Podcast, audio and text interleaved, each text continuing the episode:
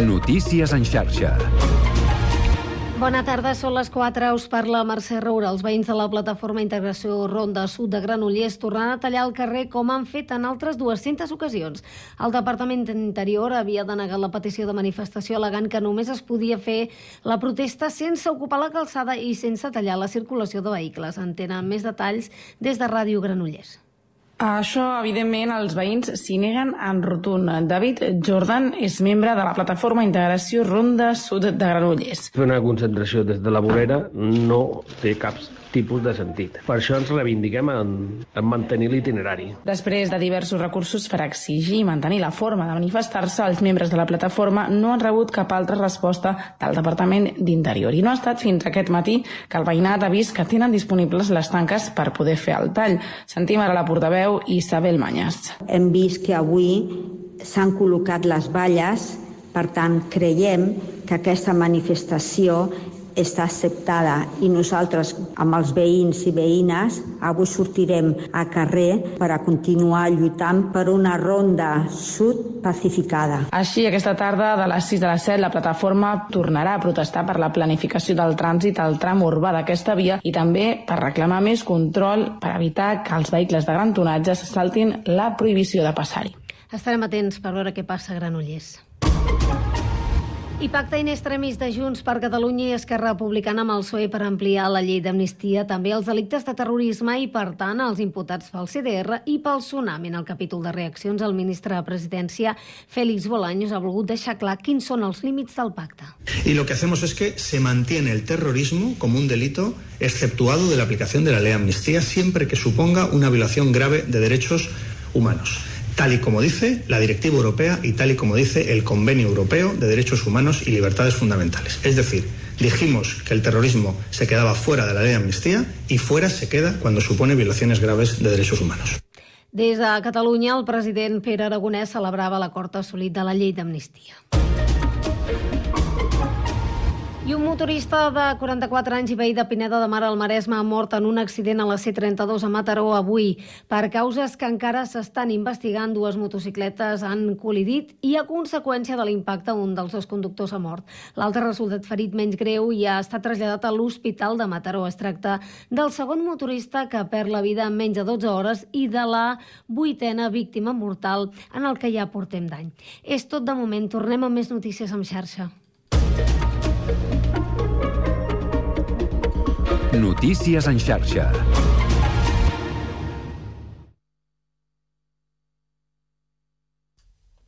Quatre i tres minuts. Comença el Connectats.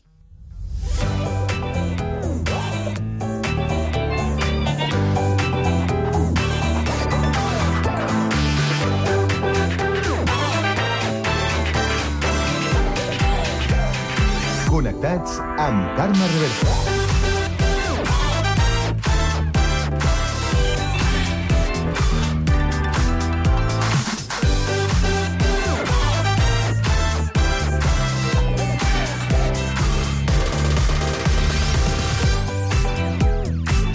Molt bona tarda, salutacions i benvinguts un dia més al magazín de tarda de la xarxa, el Connectats de l'àrea metropolitana de Barcelona, programa que fem i que sabeu. Podeu seguir a través de Ràdio Sant Cugat, Ràdio Sabadell, la Municipal de Terrassa, el Prat, Ràdio, Ràdio Ciutat de Badalona i Ràdio Castellà. Una salutació de tot l'equip conduït a la part tècnica per Pablo Palenzuela, Sami Fernández a la producció i de qui us parla, Carme Reverte. Avui és dimarts 23 de gener i volem saber quin temps ens espera aquesta tarda. Lluís Mi Pérez. Bona tarda. Avui la temperatura està pujant i, de fet, l'ambient s'ha acabat fent molt suau. Encara hores d'ara ho és, de fet, i moltes temperatures ja han fregat els 20 graus a les comarques de Girona, també de la costa de Tarragona i cap a l'Ebre. En canvi, al Pla de Lleida l'ambient ha quedat més fred, per bé que la boira s'ha començat a aixecar una miqueta, ha quedat mala visibilitat, però ja la boira tendència d'aquest matí ha anat marxant una mica. En qualsevol cas, poc més de 11-12 graus de màxima hi ha hagut en aquesta banda de més a l'interior del país. Atenció perquè aquesta nit i demà aquesta boira tornarà en aquestes comarques del Pla de Lleida, també a moltes àrees de la Catalunya central.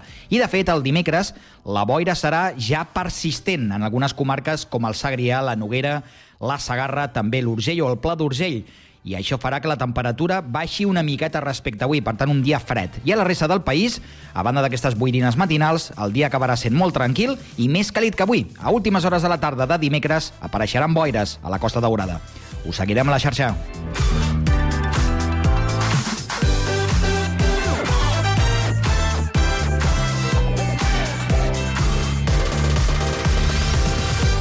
Avui al Connectats parlarem de l'estudi que mostra una reducció del 50% de la malaltia celíaca pediàtrica en la darrera dècada.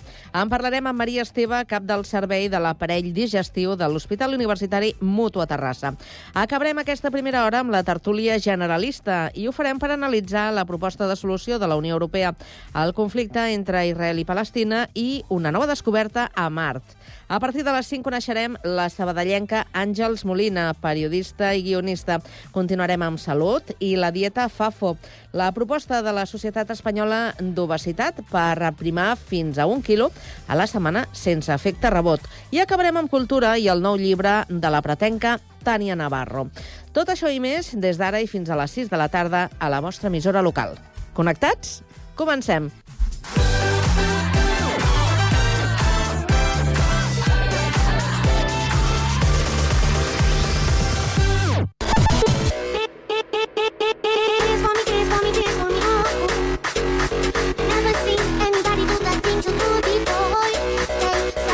Connectats, una experiència radiofònica a Sabadell, Terrassa, Sant Cugat, El Prat, Castellà i Badalona.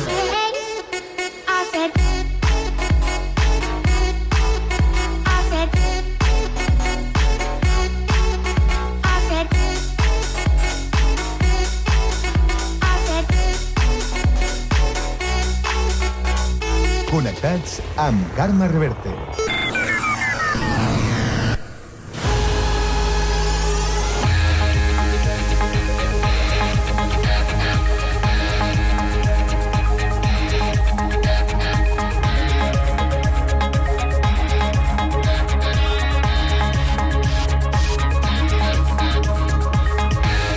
Les 4 i 7 minuts ens actualitzem i ho fem amb la ronda d'actualitat que un dia més obrim per Terrassa. Sergi Estapé, bona tarda. Bona tarda. La Cambra de Terrassa espera que la llei de cambres es tramiti en unes setmanes i s'aprovi abans de l'estiu. Ho ha demanat el president de la institució, Ramon Talamàs, en la trobada anuals amb els mitjans de comunicació. Les 13 cambres catalanes i la Generalitat van consensuar el mandat anterior un text que equilibrava el pes dels territoris. Tenia el vistiplau de Foment i de la CECOT, però l'oposició de Pimec i això en part va acabar frenant la tramitació. Ara esperen que es reprengui aviat i s'aprovi abans del període preelectoral per a les eleccions catalanes del febrer de l'any vinent. La cambra celebrarà el seu proper ple a finals de febrer Olesa. Ha triat aquest municipi per celebrar la posada en marxa del tram pendent de la B40 o bé per denunciar-ne un nou retard. També exigiran la signatura del conveni entre Estat i Generalitat per desencallar la prolongació fins a Sabadell.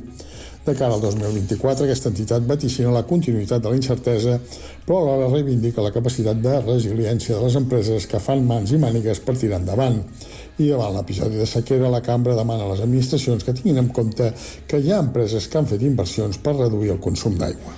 Gràcies, Sergi. I ara, des de Sabadell, Pau Duran, bona tarda. Bona tarda, ja ha arrencat la setmana de Sant Vicenç 2024, tot un clàssic després de les festes de Nadal i que s'allargarà fins al 28 de gener.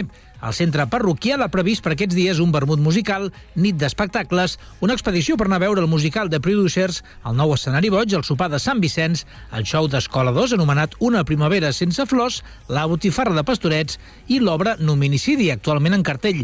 Jaume Pont, president del Sant Vicenç, en parla al programa al matí. La setmana de Sant Vicenç som al teatre, al centre parroquial Teatre Sant Vicenç, formem part del centre parroquial Sant Vicenç, ahir va ser Sant Vicenç, és el, és el, és el patró de la parròquia i per tant sempre ho celebrem amb una setmana plena d'activitats que no són només teatrals, sinó que tenen també musicals i, i també esportives i gastronòmiques i fem una mica de tot, no? Uh -huh. Perquè doncs, ho volem celebrar així. Ja fa molt temps que s'està fent això, ja fa, gairebé fa 30 anys que es va celebrant doncs, aquesta setmana plena d'activitats. La setmana de Sant Vicenç és possible gràcies al treball i compromís de persones de totes les seccions del centre.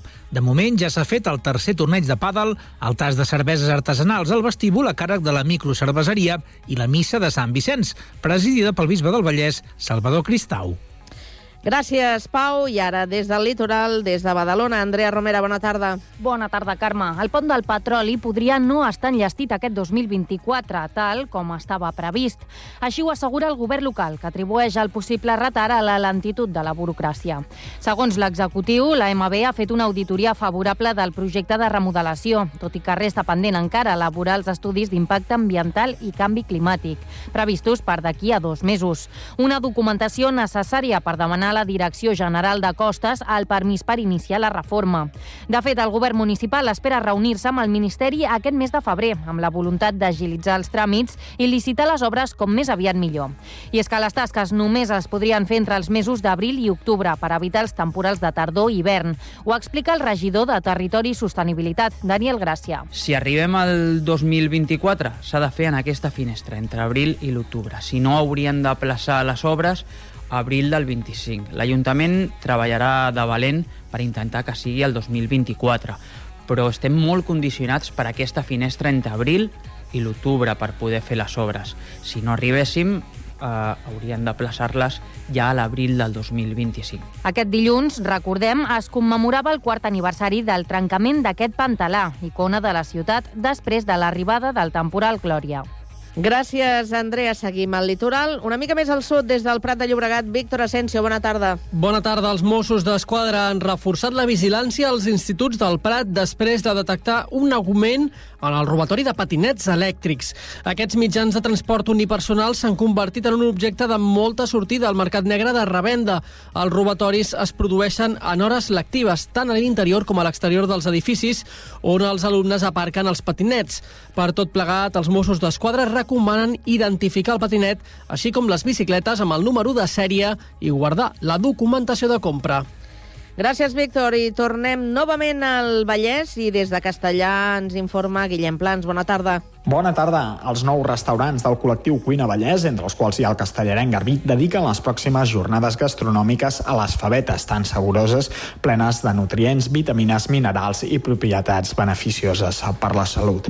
El col·lectiu, nascut a l'empara del Consell Comarcal, promociona a través d'aules de cuina o l'assistència a fires internacionals de turisme el seu receptari, el llegum conreat des d'antic al Vallès Occidental, avui considerat un dels millors productes agroalimentaris de Catalunya. A més del restaurant Garbí, formen part del col·lectiu els restaurants Can Feu, Can Vinyers, el Cel de les Oques, el Garbí, Tast Angust, Can Piqué, l'Ossum, la taverna Guila i el restaurant Les Pedritxes.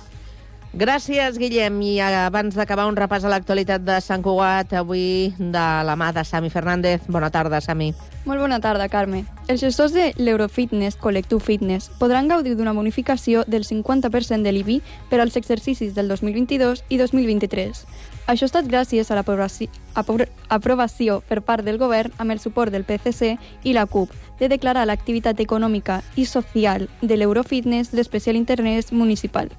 Aquesta declaració, que ha beneficiat, beneficiat l'empresa des del 2019, ha estat motiu de crítica per part dels comuns i els populars. Les dues formacions han qüestionat el, el criteri de la decisió i han aprofitat per manifestar les deficiències de l'espai, les queixes dels usuaris i la gestió econòmica de l'empresa.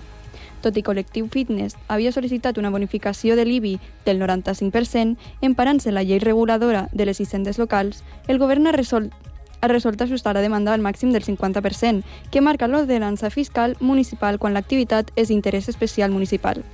Una casuística que els comuns, amb vot contrari, han aprofitat per assenyalar que la gestió econòmica de l'equipament municipal no està fent de la millor manera possible, en al·lusió a l'informe de l'interventor sobre l'auditoria dels comptes anuals del gestor abordat al ple. El PP ha remarcat que l'informe apunta a unes pèrdues acumulades des de l'inici de la concessió, des del 2001, per valor de 2,5 milions, tot i que el patrimoni net és positiu en 17.823 euros per les aportacions dels socis. L'informe també indica que hi ha una manca de recursos per al finançament d'activitats i la continuïtat de l'empresa dependrà del suport financer, que rebi ja sigui amb compensacions perpèdues o préstecs. El portaveu del PP, el Álvaro Beneixam, ha incidit en que per què l'Ajuntament ha considerat que el col·lectiu fitness es podria beneficiar del descompte del 50% en l'IBI. La declaració té uns beneficis que són, en aquest cas, eh, la, la raó per, per la qual l'empresa ho sol·licita, que és beneficiar-se d'una eh, reducció de, de la quota de l'IBI del 50%. Quin és el criteri per donar a algunes empreses sí i a, i a altres no, que també gestionen serveis públics, inclòs eh, serveis d'esports, no? que hi ha altres empreses que tenen molts serveis d'esports en gestió en aquesta ciutat. El tinent d'alcaldella d'Economia, Carles Brugolas, ha exposat que estan oberts a estudiar noves sol·licituds que es donin per part de les empreses que gestionin serveis públics. Sobre la situació econòmica de l'Eurofitness, Brugarolas ha argumentat que, des de l'Ajuntament, es fa un control per emplaçar a millores continuades de la gestió i que l'informe més no apunta que l'activitat hagi de finalitzar que l'empresa no insta la resolució d'aquesta concessió, malgrat eh, presentar aquests resultats al llarg de tot el període de concessió que portem de vigència. No?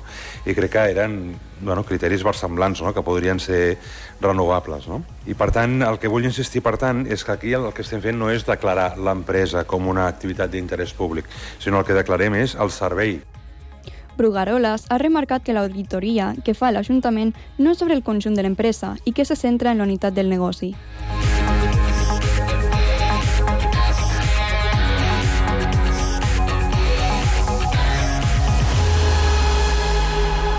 A la tarda, no et desconnectis.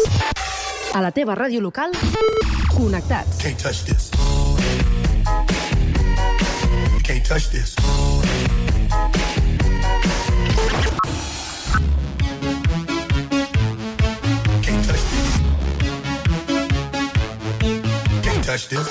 Connectats amb Carme Rebete.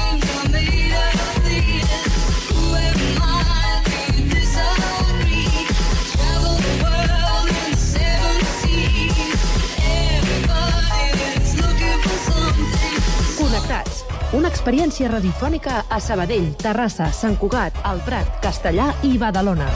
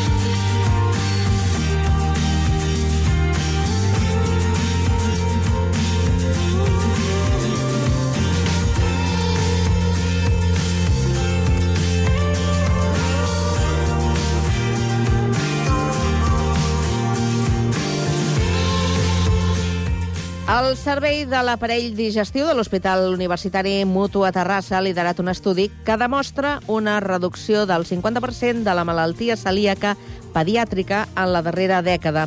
Per parlar d'aquesta qüestió, contactem amb la doctora Maria Esteve, que és investigadora principal del grup de recerca del Servei de l'Aparell Digestiu de l'Hospital Universitari Mutu a Terrassa. Molt bona tarda, doctora. Bona tarda. Estem a l'espera de poder contactar també amb el nostre company de la Ràdio Municipal de Terrassa, Sergi Estapé, però mentrestant anirem eh, conversant amb la doctora per, eh, per saber algunes qüestions d'aquest estudi. D'entrada, doctora, eh, quin, quin va ser el punt de, de partida d'aquest estudi? És a dir, eh, amb, amb quines dades eh, es comença a, a treballar o a partir de quines dades es comença a plantejar aquest estudi? Doncs aquest, aquest estudi el vam plantejar perquè en un estudi previ que vam fer entre els anys 2004 i 2007, també per veure la prevalència de la malaltia celíaca a la població general, doncs vam veure que en el grup de nens entre 1 i 4 anys hi havia una prevalència molt elevada i aleshores vam voler replicar aquest mateix estudi però centrant-nos només en aquest grup d'edat pediàtrica on havíem trobat aquesta prevalència tan elevada, perquè pensàvem que hi podia haver algun factor extern que podia estar incidint en aquell moment fent que en, en aquest grup d'edat la, eh, la, la freqüència de celiaquia fos molt alt. Llavors, entre els anys 2013 i 2019 vam estar reclutant també exactament amb la mateixa metodologia, és a dir, eren nens que venien a l'hospital per cirurgies menors, és a dir, que d'alguna manera representa la població general, i mm, el, el, miraven doncs, uns, uns anticossos amb sang que són diagnòstics de malaltia celíaca. I vam veure que en, aquesta, en una dècada la prevalència de la malaltia celíaca s'havia reduït a la meitat. I això, eh, d'alguna manera, contrastava amb la idea general de que la malaltia celíaca, tant aquí com al món, doncs semblava que estava augmentant. Llavors vam mirar factors que hi podien haver incidit en aquesta disminució i en, en vam trobar dos que eren els que semblaven més protectors, que era que s'havia generalitzat la vacuna del rotavirus i l'altre era un augment de la lactància materna tant en freqüència com en durada. Però el, el factor que de diferència eh, era, mm, impactava més en aquesta reducció doncs era precisament la generalització de la vacuna del rotavirus. Uh -huh. eh, perquè no ens explica exactament què és la vacuna del rotavirus? Bueno, el, el rotavirus és, és un, un virus que eh, ocasiona gastroenteritis, en, eh, que sobretot impacta molt en, en nens a la primera infància, perquè eh, s'infecten molt sovint, per exemple, en, en guarderies, eh, i, i, i dona doncs, eh, enterocolitis doncs, que poden ser greus en aquest període de, de la vida. Uh, aleshores, la, la vacuna el que fa és disminuir la, la freqüència d'aquesta infecció i, per tant, uh, la probabilitat de que activi doncs, uh, malalties del, del budell com poden ser doncs, la malaltia celíaca. Uh -huh. I pel que fa a l'altre element, el de la lactància materna, eh, la traducció és que les dones eh, eh, han tendit a, a, a, a donar el pit a les seves criatures durant més temps? Uh, bueno, això és el que demostra el, aquest estudi, és a dir, comparat amb la dècada prèvia hi ha més dones que fan lactància materna i, i, i durant més temps. De fet, hi ha hagut una promoció important per a que això fos així, i probablement aquesta és, és la causa d'aquest augment, però de totes maneres el, el, la, el, la lactància materna com a protector en alguns estudis ha sortit eh, a favor, altres no han confirmat aquesta, aquesta relació mm. i, en canvi, la, la disminució del nombre d'infeccions per rotavirus és, és un factor que surt de manera repetida en tots els estudis on s'ha avaluat. Eh? Per tant, tenint en compte que aquesta era l'associació la, més forta, eh, pensem que és probablement el factor mm, més important en la reducció. M'imagino mm -hmm. que quedarien sorpresos, no?, dels resultats? Doncs vam quedar sorpresos i, de fet, l'enquesta per valorar els factors es va fer de manera retrospectiva. És a dir, que no és que en el moment de realització de l'estudi nosaltres estiguéssim valorant tots aquests factors, sinó que va ser que quan posteriorment vam veure que s'havia reduït molt, doncs vam muntar un, un sistema d'enquesta per eh, mm, preguntant als pares d'aquests nens que van participar eh, tot, tots aquests factors, que en general eren factors mm. que són fàcils de recordar, eh? és a dir, si no, això no hauria tingut valor. Sí. És a dir, que, per exemple, els pares tenen el calendari vacunal, per tant, poden verificar si el mm. que estem preguntant és veritat o no. Eh? Eh, els, la, els pares i les mares recorden si el seu fill ha fet lactància materna o no, i, i més o menys durant quant temps. Altres coses que preguntàvem també era en quin moment li havien donat eh, gluten en els nens, si abans o després dels sis mesos. Normalment també això és una cosa que es recorda, perquè és, és, el, és en quin moment introdueixes mm, mm, aliments que són diferents, aliments sòlids, etc. Eh? Val? És a dir, que els, els factors que preguntaven de manera retrospectiva eren factors que es podien recordar fàcilment. Eh?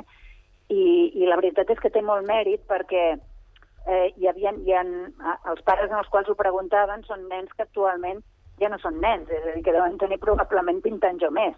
Eh, és a dir, que, que va tenir molt mèrit aconseguir que aquests pares ens responguessin les, les enquestes. Eh? Mm -hmm. I eh, Sembla que aquest estudi encara s'ha de complementar amb dos estudis més que uh -huh. es troben ja en una fase final. Final, sí? exacte. Sí, n'hi ha un que ja està acabat, de fet, i que um, bàsicament l'hem d'escriure, que és que els nens um, d'aquest estudi que vam identificar que estaven completament asimptomàtics, és a dir, que no tenien cap símptoma de malaltia celíaca i que no els hauríem detectat si no hagués sigut amb aquest estudi, els vam seguir en dieta lliure, és a dir, sense retirar-los el gluten, per veure si ells sols eren capaços de eh, normalitzar la mucosa o no. Hi ha hagut un percentatge de nens baix, però que es situa al voltant del 10%, que efectivament, sense retirar el gluten, han sigut capaços de normalitzar la mucosa. Llavors, bueno, això ja és un estudi que quan es publiqui també en farem difusió, eh, però bueno, puc avançar aquestes dades. I després l'altre és, un, és un estudi que per, a, la tercera, a la tercera dècada, és a dir, amb tres dècades seqüencials, tornem a avaluar una altra vegada el mateix, per veure quines tendències a llarg dels anys es produeixen en la freqüència de la malaltia celíaca. I això ara ho hem replicat, no, ja no centrant-nos en l'edat només pediàtrica, sinó que hem volgut tornar a repetir allò que vam fer els anys eh, 2004-2007, on hem avaluat tota la població general de 1 a 80 anys. I això ho hem fet no només a Catalunya, sinó que ho estem fent a Madrid, al País Basc, eh, i, i Andalusia i Astúries. Mm, també això ens anirà bé per veure si en, en llocs on hi ha hagut s'ha finançat la vacuna o no, o, o s'ha vacunat més o no, doncs també veiem aquesta associació amb una major freqüència o no de, de malaltia celíaca. És a dir, que tindrem informació al nostre país de, de l'evolució de, de la prevalència de la malaltia celíaca a llarg de tres dècades. I això, que jo sàpiga, no hi ha cap altre estudi al món que, que ho hagi fet. I, doctora, la vacuna del rotavirus eh, eh, es posa únicament a, a, als infants molt petits?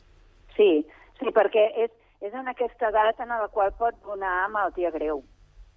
Si afecta els adults, doncs normalment dona una gastroenteritis lleu i en canvi doncs, eh, eh, on t'impacta molt negativament quan tenen aquesta infecció és precisament a la primera infància, sobretot doncs, això quan van a les guarderies i s'infecten mm, i on hi ha doncs, una, una major probabilitat de que l'adquireixin. Uh -huh. Estem parlant d'un estudi que eh, s'ha fet des de eh, l'Hospital Universitari Mutu a Terrassa. Qui, qui ha participat? En aquí han participat no només l'Hospital Mutu de Terrassa, sinó que ja, ja ha tingut una participació molt important Sant Joan de Déu, que s'esmenta poc. És a dir, que el, en, en l'estudi del 2004-2007 eh, van, van, els, els nens que es van incloure en aquest estudi eren tots procedents de Sant Joan de Déu, mentre que en l'estudi 2013-2019 la, més o menys la meitat dels nens era, procedien de Sant Joan de Déu i l'altra meitat eh, era del, del, del nostre hospital. I la, la persona de Sant Joan de Déu que hi ha tingut una participació més activa i sense la qual l'estudi no s'hauria pogut fer és la doctora Carme Ferrer, que tra treballava en el laboratori de, de bioquímica de l'Hospital Sant Joan de Déu i que actual, actualment està jubilada, però com no ens està acabant d'ajudar en la finalització d'aquest estudi. Mm -hmm. Doctora, deixem que saludem. Ara sí, encara que estem ja al final de, de l'entrevista, però Sergi Estapé, el nostre company, sembla que té alguna qüestió important també a, a preguntar-li. Endavant, Sergi. Uh -huh. Uh -huh. Sí, a veure si ara no tenim problemes. No, li volia preguntar, doctora, si aquesta reducció del 50% pot anar-se incrementant en els pròxims anys.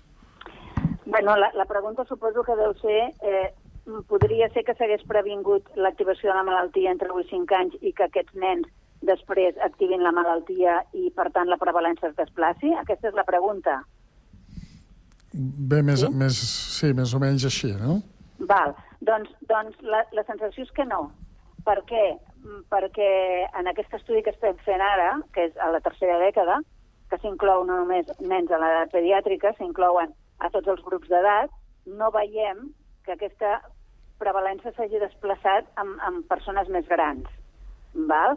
Per tant, la sensació que hi ha és que si s'evita l'activació en la primera infància, probablement s'ha evitat també per més endavant. Eh? Val? Però, però tot això jo ho puc, ho puc afirmar amb dades indirectes, eh? Mm, de que no, no, no mhm. veiem que el pic, no veiem que aquest pic s'hagi desplaçat en edats superiors. De totes maneres, estem parlant, doctora, que eh, la celiaquia, mm, de moment, encara no... Té tractament, però no té cura definitiva.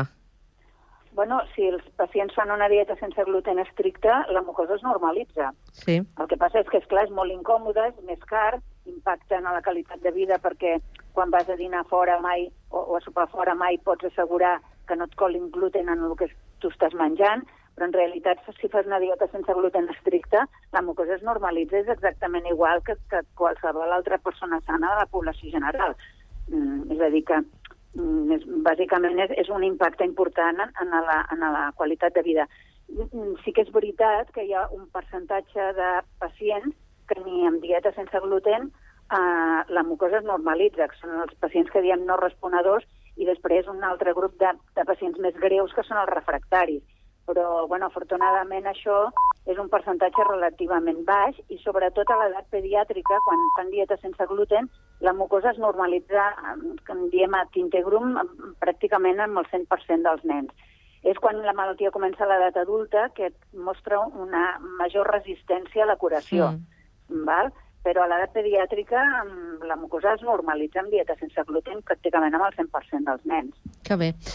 Doncs una molt bona notícia. Avui hem compartit els resultats de- d'aquest estudi que encara quedaran eh, eh, completats amb aquests altres dos estudis complementaris que hem comentat a, amb la doctora, que per quan eh, tindran els Es resultats preveu. finals? Doncs eh, del primer que us he dit, mm, en realitat els resultats ja els tenim, els hem d'escriure. Eh? Eh, escriure els resultats d'un estudi no és una cosa fàcil, és a dir, Mhm. que, que porta un cert temps i tampoc ens dediquem exclusivament a això, perquè vull dir, som metges i, i això ho fem normalment a, a after hours, que diem, és a dir, sí. fora de, de la jornada laboral Sí, sí. i, i quasi bé que per, per afició. És a dir, que, a veure, jo prevec que, mm, que potser d'aquí a tres o quatre mesos ja, ja tindrem uh, un, un primer esborrany bastant definitiu. Mm. I, i del, del segon és que encara estem reclutant. És a dir, que, mm, no sé, aquest potser trigarà una mica més. Jo calculo que l'estudi de la tercera dècada potser es, publicarà doncs, doncs, a finals de, de l'any que ve. Molt bé, doncs els deixarem que treballin tranquil·lament. Eh, Maria Esteve, investigadora principal del grup de recerca del Servei de l'Aparell Digestiu de l'Hospital Universitari Mutu a Terrassa. Moltíssimes gràcies per passar aquesta tarda pel Connectats. Que vagi molt bé. Gràcies. Adéu. Adéu. I Sergi, gràcies. Fins a... Sí, sí, avui no sé si d'avui... No, No, avui ja no, coses ja que passen al, al directe. D'acord? Sí. Vinga, fins demà. Fins demà. Adéu-siau.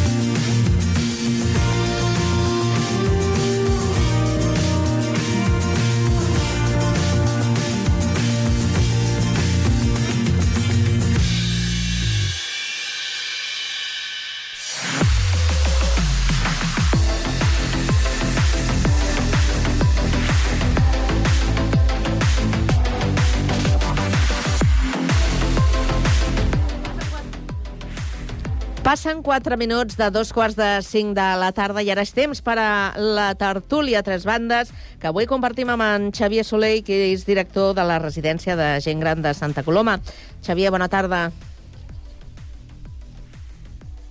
Xavier, bona tarda. Bona tarda, Ai. bona tarda. Em sentiu? Sí, Ara sí, sí, sí, sí, sí, sí, perfecte. Perfecte. Jo sí, Semblava que el primer cop de veu no, no, això no funciona. Mira, i el Quirze, el Quirze Casablanques, Hola. que el tenim a l'estudi de Sabadell. Què tal, Quirze? Bona tarda. Molt bé, bona tarda. Mira, perfecte, que ens escoltem tots. Falta la Montse Moral, farmacèutica i rotària, que també la tenim aquí a l'estudi de Sant Cugat. Montse, què tal? Bona tarda. Bona tarda. Crec que no he coincidit mai amb aquests dos senyors. Amb, no, ni amb el Xavi ni amb el Quirze. Amb el Quirze potser no, però amb el Xavi... Tampoc, no em No, sona. es porta, no, porta no. més Santa temps. Coloma, no, sempre enganxo Badalona... Sí, no, és Badalona. Terrassa. El que passa és que ell és el director de la residència de gent gran de Santa Coloma, Ah, però està als vale. estudis de Ràdio Ciutat de Badalona. Molt bé, molt de gust, eh? Igualment, si no havíem coincidit ja tocava, eh? Ja, home, home, això és com el sorteig de, de, Del de, la, niño, de la... del niño o de el la sorteig, grossa. toca el que toca. El que passa és que sí que és veritat que hi ha gent que coincideix més, més sovint, Sí, no? sí, I ja com si fossin els tertulians de- d'aquell dia, però és mm, pura uh, casualitat, és atzar.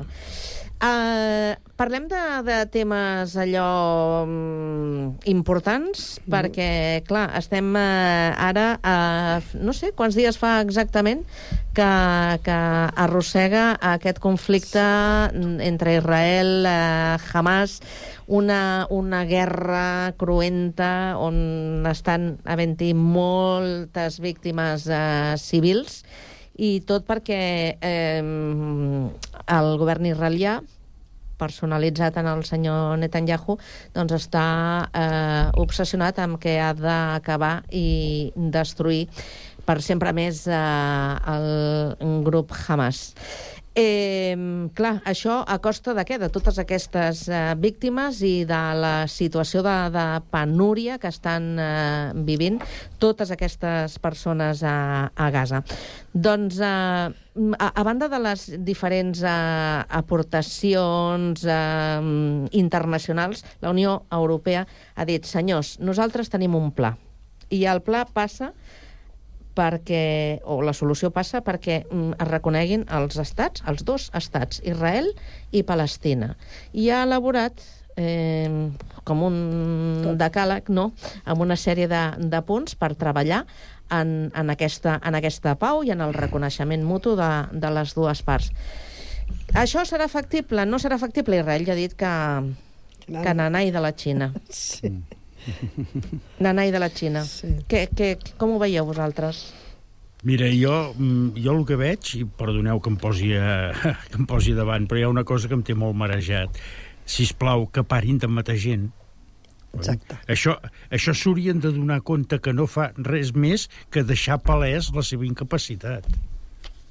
Està Vull dir, s- s- són incapaços de governar un estat com és l'estat de- d'Israel o, o un, un possible estat com seria el de Palestina. Només saben matar gent. Ostres, vull dir, no, no veig que això sigui, sigui gaire, gaire positiu per una persona que pensa, eh? Però ja, ja està, ja se m'ha escalfat la boca. Molt bé, però molt bé. És que està demostrat que les armes i matar no, no solucionen els conflictes, al contrari, clar que els no. compliquen. El que passa que sí que és un bon negoci. I aquí darrere hi ha el negoci, també. El negoci de destruir, després tornar a construir, el negoci de... A les armes? De les armes, clar, està claríssim. Però, però està clar que matar i no, no soluciona els conflictes. No és, això no és treballar per la pau. I, mm. bueno, I quan hi ha una persona que no vol, no vol dialogar ni vol pau, com és el senyor Netanyahu, aparentment, no? Sembla que és ell, ell, ell, doncs ho tenim cru. Però està molt bé que es proposin idees, això està clar. Sí, sí, esclar que sí, esclar que sí. Xavier, Home, jo- vinga. jo- jo- A veure, hi ha, hi ha com cada vegada, cada dia que passa, hi ha com una exigència moral de, de, de, de la societat en general i de la comunitat internacional que això s'ha d'aturar, de que s'ha d'aturar aquesta, aquesta matança, aquesta massacre a, a, a Gaza. Evidentment, podem posar, podem dir que, és clar en el seu moment doncs, Israel es va sentir atacat i després doncs, eh, eh, va reaccionar, però aquesta reacció ha sigut absolutament desmesurada. I ara algú, eh, i aquí la comunitat, eh, la Unió Europea, eh, de fet, posa sobre la taula el que a l'any 1947 ja va aprovar les Nacions Unides, que és a dir, escolta, tornem a posar sobre la taula el fet de la creació de, de dos estats, del reconeixement, en aquest cas, de l'estat de Palestina i que aquest reconeixement sigui bilateral, és a dir, que Israel reconegui l'estat de Palestina i l'estat de Palestina sigui, reconegui Israel. En el seu moment hem de recordar que l'any 47 el món àrab, els països àrabs, no van voler sentir parlar del reconeixement d'Israel. I d'aquí també va, va haver-hi una, una situació de, de, de conflicte, perquè no en volien sentir, lògicament, ni a parlar. Posteriorment, això, després dels acords d'Oslo, que després també van anar pel Pedregà, això va canviar. La, la situació de Pa- Palestina va començar a veure, a reconèixer aquesta situació d'Israel. I ara, feia pocs anys, que començava a haver-hi països àrabs que, evidentment, començaven a tenir relacions amb Israel i aquest reconeixement era de facto. Aràbia Saudí, Marroc...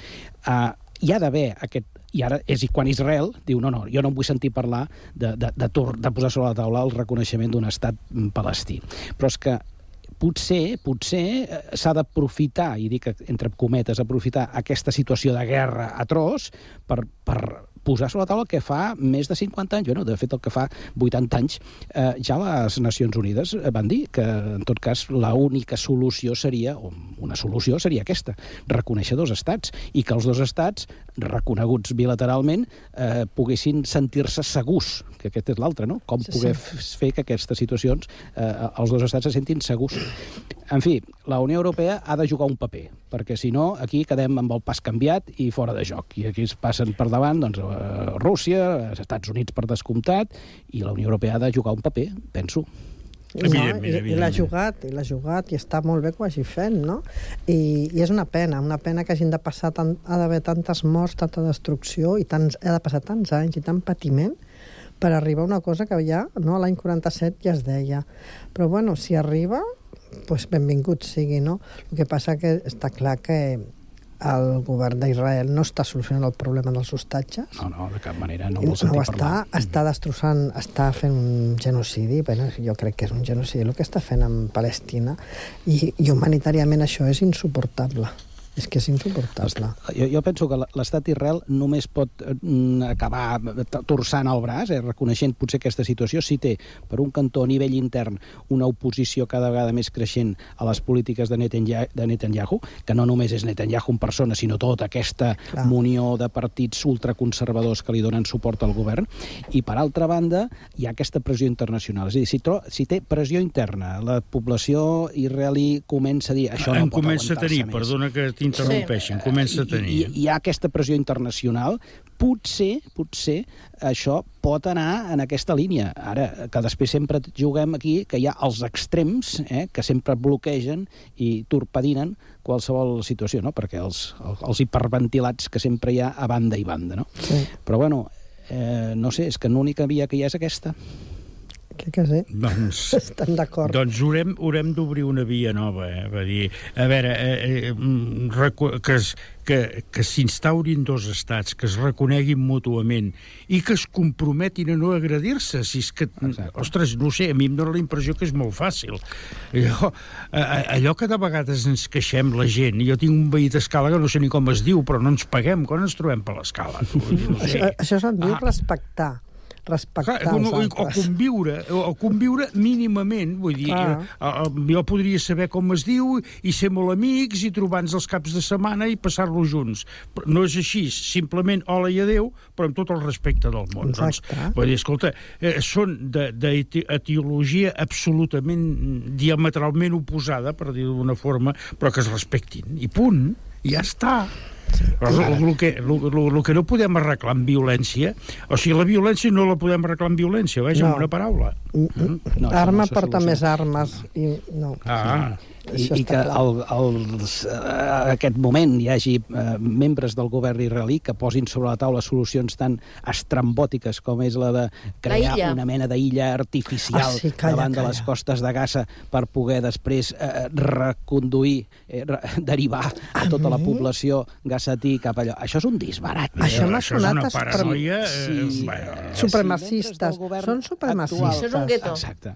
Es creuen que són jo crec, superiors. però jo crec i, i hem de pensar que la població, el poble d'Israel, tampoc és això. Tampoc No, no, pensa d'aquesta manera tan bàrbara. Així que jo Gràcies. penso que cal posar l'accent i dir, escolta, que- eh, no tots, no, No, tota la no, gent no, que no. israelià pensa, i penso que n'hi ha molts que diuen, escolta, això no es pot acabar d'aquesta manera, Eh, s'ha d'acabar amb, una, amb un reconeixement i una pau, eh, i s'ha de forçar aquesta pau. Jo crec que el poble d'Israel, eh, molta gent, ara, clar, sempre hi ha els ultraconservadors, els més radicalitzats i d'això, però molta gent està pensant i desitja això per poder viure en pau.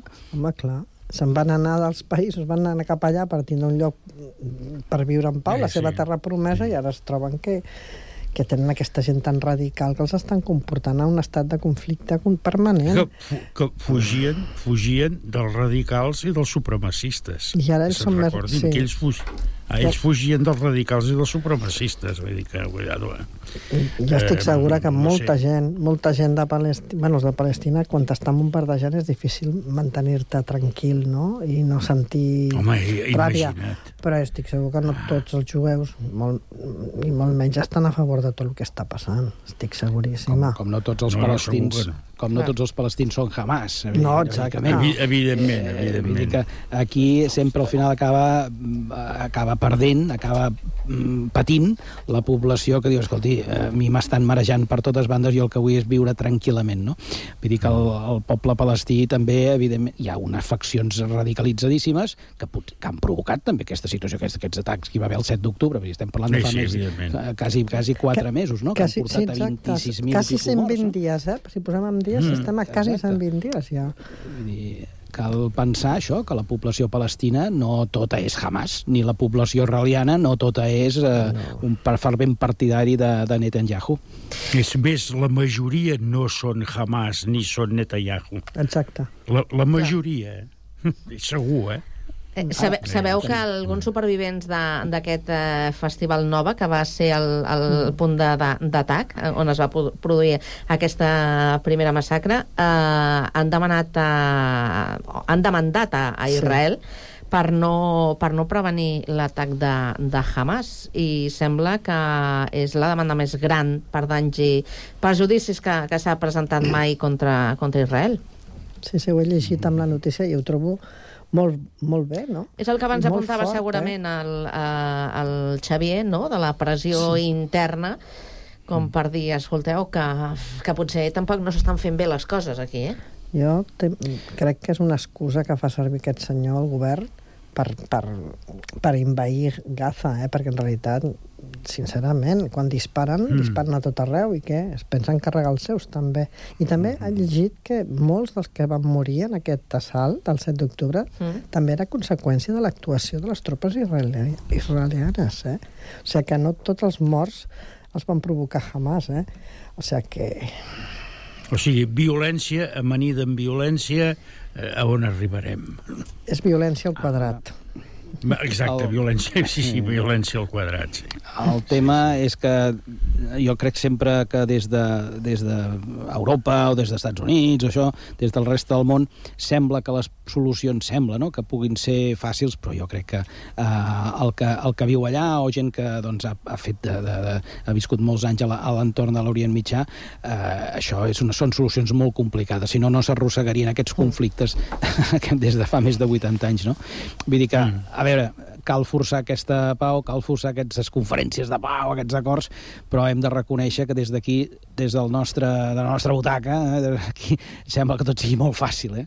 però ha de ser molt complicat, realment. Sí, però, clar, però hem- alguna eh, cosa s'ha de fer. Hem de posar en marxa aquestes, aquestes conferències de pau, però amb la guerra aturada. Home, clar, aturem això és la el guerra primer. i parlem del que vulguis. L'alto al Va, foc. això, però absolutament el primer. Prou, prou guerra, prou foc, sí. Mira, jo vaig rebre una, una felicitació a Nadal, aquestes coses que rebes per WhatsApp, que la dita diu que és de Bob Marley, no? Diu, si tothom, tothom es donés les mans, o sigui, totes les persones ens uníssim les mans, ningú podria empunyar una, una arma. Eh, Evidentment. Eh, Tindria, tindríem la mà del company. Exacte, eh? això, fa, això també ho assimilo jo a la sardana, que és una, una dansa molt Exacte, bonica que ens uneix, sí. que tothom pot participar en una sardana, no? poden ser gent de tota mena de, de religió, d'idea política, però la, la dansa ens uneix i tu I, podria, entrar I podem fer una sortir. rotllana tan Enorme. extensa com, com t'imaginis. Tu t'imagines una sardana mundial amb el coti per Mare de coti? Amb el coti... en tots els idiomes, Seria no? una solució per la pau. Ai, deixeu-me que... Home, mira, és molt important el punt de, el punt de partida i només eh, llegiré eh, l'últim punt d'aquest pla que proposa la Unió Europea i és eh, eh, manté que el desenvolupament de- d'aquest pla de, de pau ha d'anar acompanyat d'esforços paral·lels com ara oferir ajuda humanitària, aconseguir l'alliberament dels hostatges, posar fi a la guerra actual, que és el que dèiem, l'alto al foc, vetllar per la recuperació i la reconstrucció de, de Gaza i les comunitats afectades al sud d'Israel, o reforçar la legitimitat democràtica de, de l'autoritat palestina, entre altres. Sí, clar. eh, o sigui, a rebassar aquest eh, protagonisme i aquest poder a, a Hamas. Perquè no ha d'estar... de- perquè no deixem poder... No sé, tot, tot, tot té una causa i un efecte, però no deixa de ser una organització terrorista. Mm. Sí, sí. I hem de mirar que ells puguin fet, deixar de ser terrorisme, treure les causes, no? Molt Sí, però quan- la part palestina que va bloquejar els acords d'Oslo que va signar Yasser Arafat i eh, lògicament eh, era la, la, era Hamas i, que és qui es van oposar radicalment i que després també això també no va provocar el desenvolupament d'aquells acords tal com s'havien de, de dur a terme. O sigui, a veure, Hamas és un problema com també ho és la radicalitat israeliana i, i, i aquí reforçar l'autoritat nacional palestina eh, en, aquest, en el territori de Hamas mm, pot semblar fàcil, però allà eh, hi ha hagut uns marramiaus i uns, eh, sí. uns enrenaus i uns merders amb, la, amb Hamas, que a més doncs, eh, no hi ha pitjor enemic que el, que, que el teu propi germà, no?, en aquest Sí, cas. sí. No, I no, allà hi ha hagut unes situacions de... I ara la molta- situació molta- és molt més complicada, i molt més complicada. més. Bé, doncs Sí, veurem doncs aquí, com... aquí, Digues, digues, Perdó, digues. que no, que aquí podrien demostrar la seva capacitat si és que en realitat en tenen de capacitat per resoldre una situació complicada, perquè les fàcils a casa se'm resolen soles. Tu, són les complicades les que s'ha de demostrar que estàs al, al lloro per, Doncs per, eh, per resoldre haurem de, de confiar, no?, aquest marge de, de, de confiança en els que s'hi han de posar i s'han d'encarregar de- de- d'assolir aquest eh, pla de pau, que, que serà, serà llarg, eh? Serà llarg i, i complicat. Eh, anem a Mart? Vale. Anem a Mart. Anem, anem. Sí, sí. Tu estaries disposada a anar a Mart? Jo t'ho dic perquè, a veure, no sé, eh, d'aquí molts anys, d'aquí bastants anys, jo crec que allà hi haurà, doncs, un, una, altra, una, altra, una altra vida, una altra societat... Una eh, sucursal, una unes sucursal de la Caixa. organitzacions. Ja veureu. Podria, podria ser. Però jo crec que nosaltres no hi arribarem a, No. a viure aquesta, No. aquesta situació. Eh, però, vaja, que sembla que tot s'està preparant o s'està donant tot perquè mm, confiem que ja es podrà construir una, una nova vida. No sé qui viurà, qui s'ho pugui pagar també, no? Mm. Perquè ara, de moment, els, els, els coets i aquestes missions espacials no se les pot eh, permetre qualsevol. Ara han descobert novament aigua gelada a, a Mart, que diuen facilitarà l'exploració de, de l'espai. O sigui, allà es veu que hi ha aigua Sí, sí. per parar un tren, cosa que aquí ara ja comença a, a faltar. No? Aquí ens estem carregant, com ho hem dit moltes vegades, el planeta. La segona part era no hi ha planeta B, però potser, qui sap, eh? ens Mart, està eh? esperant Mar. Mart, Mart. Eh? Com, com, com veieu aquest futur? Home, el, la, cosa està, la cosa està llunyana, però el que sí que és veritat és que, a, a veure, a, mireu, al, al 1969 l'home va posar eh, les botes a, a sobre, al damunt de la Lluna, no? Mm. Això ha passat eh, 54-55 anys. Eh, jo crec que d'aquí 50 anys eh, s'haurà, i s'hi haurà anat a Mart, i segurament, eh, eh, si aquesta presència d'aigua lògica està confirmada, això farà accelerar la carrera espacial, espacial la carrera cap a Mart. Eh, això segurament eh, ho veurem en dècades, però ho veurem eh, ràpid. No sé si ho, ho viurem nosaltres i, i estarem allà, no? Però un altre llegia també que per, eh, la NASA havia calculat fa un any i pico que per anar d'aquí a Terra a Mart eh, és necessari un any i nou mesos de vol, eh, que és déu nhi Però, escolta, mm, jo crec que s'hi arribarà, i més amb aquest al·licient de l'aigua. Ja, ja, clar, perquè si aquí ens n'estem quedant així, eh? Sí, sí, Però si això, un això transvasament, en, realitat s'hi possibilita una carrera desenfrenada o no, explorativa, em sembla molt bé. El que, el que per mi seria fotut és que aquesta carrera fos apropiativa. Vull dir, Ja. ja. que hi arriba, això és per mi. Bueno. Eh, cuidado, perquè aquest de planeta ja ens l'hem carregat, o estem en vies de carregar-nos-el, Sí, sí, però sense, sense solució. Vull dir, mm, aviam si n'estrenem un altre, potser que no fem malbé la joguina a la primera. Eh? Vull dir, Ja. anem-hi una mica amb compte, no? Potser el, el primer que voldrà anar-hi potser és l'Elon Musk, que ja estarà muntant alguna Segur. coseta Segur, per, segur. per anar cap allà. Treballar, perquè aquest home Sí. és, escolta'm, eh, és insaciable. Però... Bueno, hi hi, ha una, hi ha uns científics que els agrada l'astronomia o l'univers i els agrada conèixer els orígens de l'univers i buscant doncs, també no, a veure si, a quins planetes hi ha hagut aigua per veure si pot haver vida i això partint d'aquest coneixement des d'aquest punt de vista científic el trobo interessant totes aquestes exploracions Jo, i tant. però les exploracions hi ha aquestes com en plan conquista aquesta, Comercials, les comercials. aquest, no sé, aquest esperit colonitzador que hi ha inherent amb algunes persones, a mi em fa farpar, la veritat, sincerament. I després és que és molt lamentable, però sí, sí que hi ha gent privilegiada que ja veuen, veuen que aquest planeta se'n va, ens l'estem carregant, té, encara tenim anys, però ja estan buscant llocs on te poder anar a, a viure o Clar, sobreviure. però aquí ens trobarem, imagineu-vos la situació. Qui podrà marxar? Qui podrà fugir?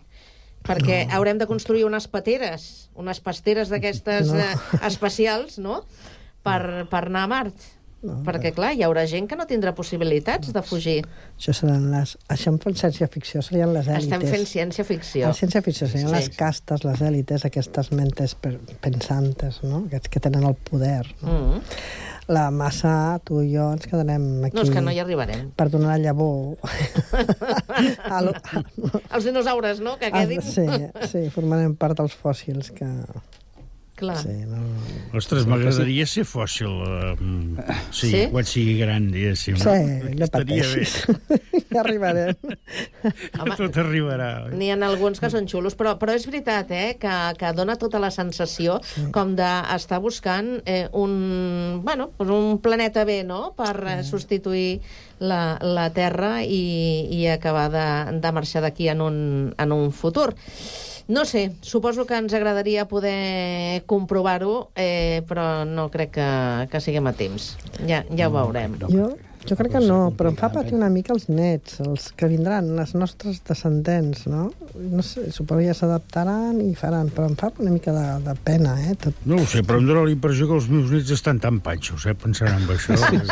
Quan arribi, arribarà, no? Millor, millor que estiguin feliços, no? Però no Molt bé. Hi ha, avenços, hi ha avenços que fa 50 anys no haguéssim pensat que els, els, els tindríem al damunt la taula i ara, escolta'm, no podem viure sense ells, no? Vull dir que veurem, veurem d'aquí d'aquí 50 anys. Molt. Adaptació. Ho hem, de, ho hem de deixar aquí, ens hem d'adaptar també al temps, eh? que Sí. això en la ràdio ja, Mm. ja toca. Senyors i senyora, moltíssimes gràcies, que acabeu de passar molt bona tarda. Vinga, gràcies a tots. Eh? Adéu-siau. Encantada Vinga, bona amb tarda, vosaltres. adéu-siau.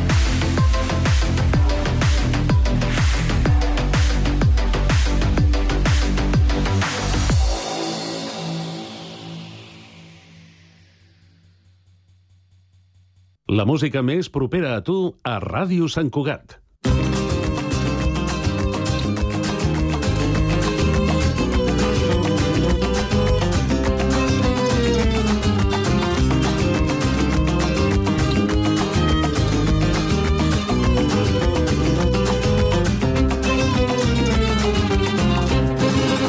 El 425 arribem a Perpinyau en carros i cavalls a Catalunya ens varen quedar des d'aquell moment i sense fer mal a ningú. Diferents cultures en civisme han convigut i en gitanos a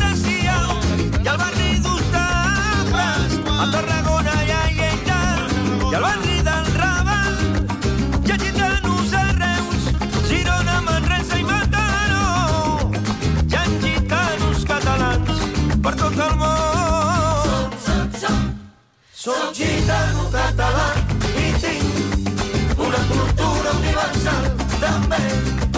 Diccionari i bandera quatre barres per senyera i una rumba per enamorar soc, soc, soc gitano català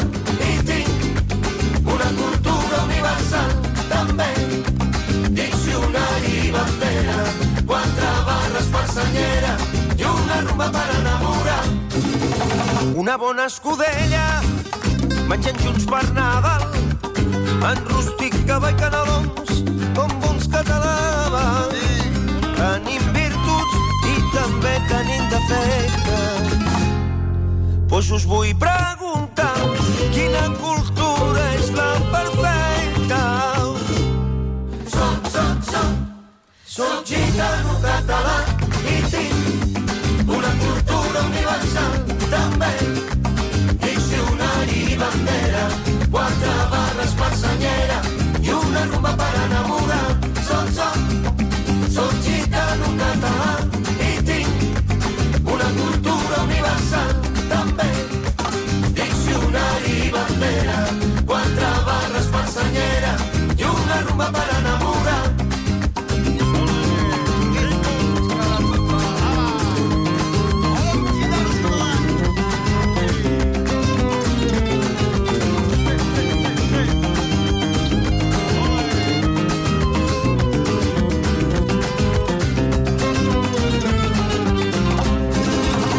Cuidem i respectem a tots els nostres avis. Per molt malalts que estiguin, no els tanquem en geriatria. Ràdio Sant Cugat, Cugat Mèdia, notícies.